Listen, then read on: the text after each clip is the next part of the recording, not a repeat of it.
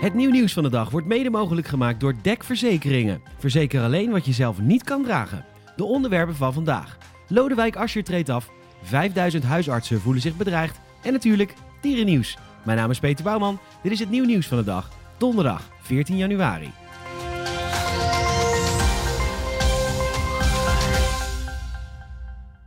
Lodewijk Asscher heeft besloten zich terug te trekken als lijsttrekker van de PvdA. Hij maakte dit vanochtend bekend via een video op Facebook en de reden mogen duidelijk zijn. De kindertoeslagenaffaire. Ja, ik was minister van Sociale Zaken in die vorige grote crisis die ons land bezighield. Nee, ik wist niet dat de Belastingdienst een onrechtmatige jacht had geopend op duizenden gezinnen. Maar ik stel vast dat de discussie over mijn rol op dit moment het niet mogelijk maakt om daarvoor te zorgen. Daarom heb ik mijn positie als lijsttrekker ter beschikking gesteld, al dus de 46-jarige politicus. Hij zal zijn termijn als Kamerlid afmaken, maar hij komt na de verkiezingen niet terug. Wie zijn opvolger wordt is nog niet bekend. Wordt het Ariep, Abu Taleb, Ploemen, Timmermans? De tijd zal het leren.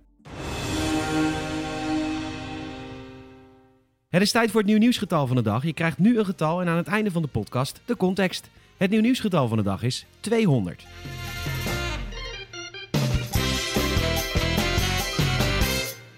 Met de bestorming van het Capitool, de tweede impeachment van Donald Trump en de Nationale Garde die in stelling is gebracht om mogelijke rellen te voorkomen tijdens de inauguratie, is er maar één ding wat je eigenlijk kunt doen: een feestje bouwen natuurlijk.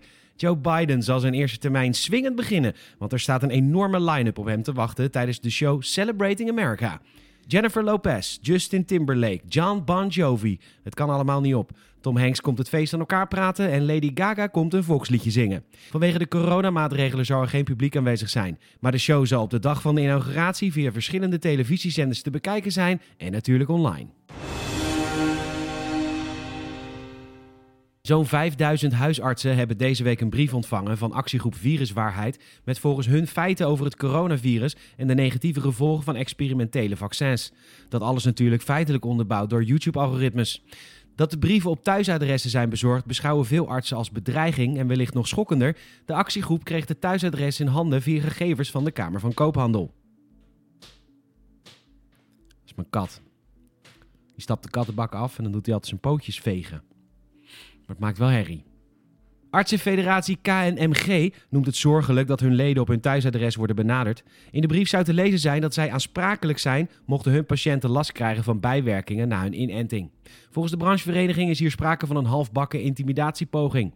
Grote angst dat duizenden huisartsen zich voor het gerecht moeten melden om zich te verantwoorden voor kwakzalverij is er bij de medici niet. Zij hebben de inspectie gezondheidszorg op de hoogte gebracht van de Willem Engel spam. Gordon neemt een puppy. Dierennieuws. Een raceduif is helemaal van de Amerikaanse staat Oregon naar het Australische Melbourne gevlogen.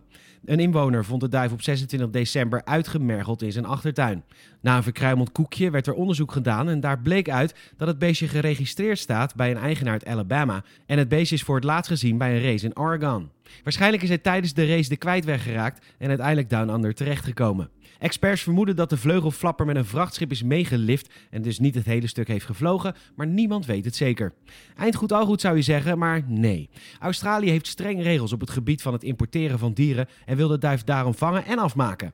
De autoriteiten zijn bang dat de verdwaalde reiziger nieuwe ziektes importeert die de autochtone fladderbevolking ernstig kunnen beschadigen. Een professionele vogelvanger is naar het beest op zoek. Sigrid Fischbacher, bekend van het illusionistenduo Sigrid en Roy, is verdwenen. Voorgoed nu. Hij is dood. Het van oorsprong Duitse duo behaalde in de Verenigde Staten hun grote succes. Twintig jaar lang waren de mannen de best betaalde artiesten in Las Vegas.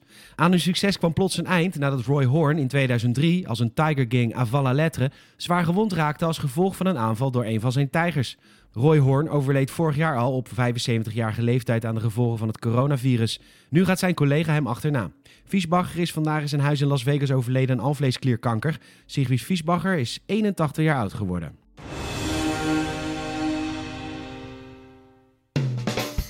Het nieuw nieuwsgetal van de dag is 200. Een COVID-ontkenner uit het Engelse Portsmouth krijgt een boete van 200 pond voor het plaatsen van een filmpje op Facebook van een leeg ziekenhuis.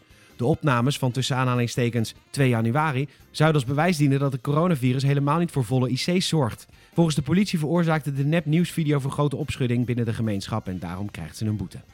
Bedankt voor het luisteren. Help het nieuw nieuws van de dag te groeien en vertel een vriend of vriendin over deze podcast. Laat ook even een Apple Podcast review achter.